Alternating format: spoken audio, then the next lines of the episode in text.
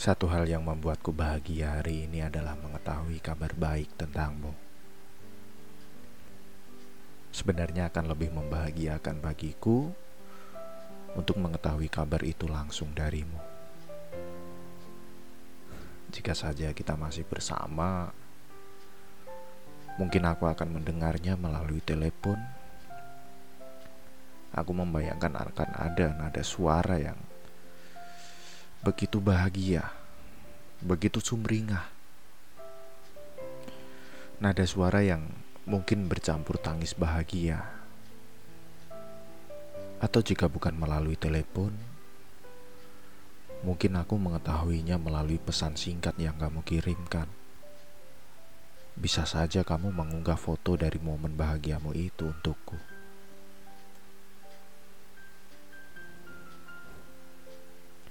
Tidak penting memang dari mana aku mengetahui tentang momen bahagiamu ini. Lagi pula sudah lama sekali kita tidak bertukar pesan ataupun bertukar kabar.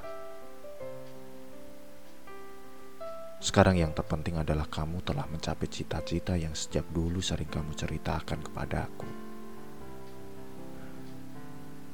Aku begitu ingat dulu aku sering menanyakan tentang keinginanmu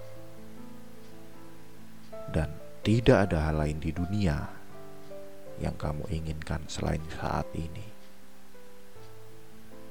Di titik ini,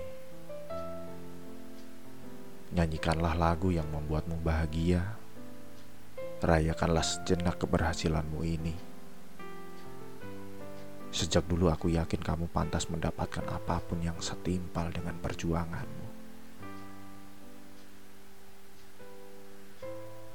Masih seperti dulu, aku tetap tidak bisa datang pada momen-momen bahagiamu.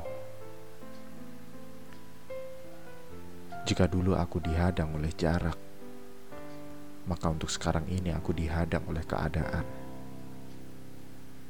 Aku bukanlah siapa-siapa selain seseorang yang pernah ada pada hari-harimu. Aku pun tidak bisa memberikan apa-apa Aku tidak punya bunga. Aku tidak punya hadiah spesial. Aku tidak punya sebaik puisi. Yang bisa aku beri adalah ucapan selamat yang tulus dari hati yang paling dalam. Dan juga rasa bangga. Karena pernah menjadi bagian dari prosesmu untuk menuju titik yang sekarang.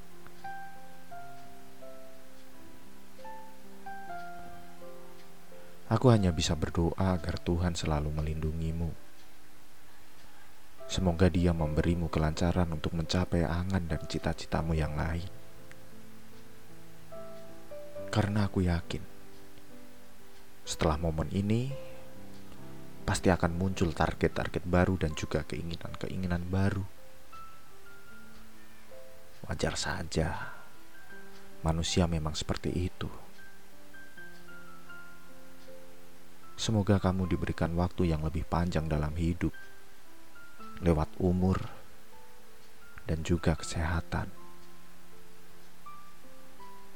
Dan selalu ingat, jika kamu berada di titik terendahmu, seakan dunia melawanmu, kamu pernah bangkit dan menjadi pribadi yang lebih kuat.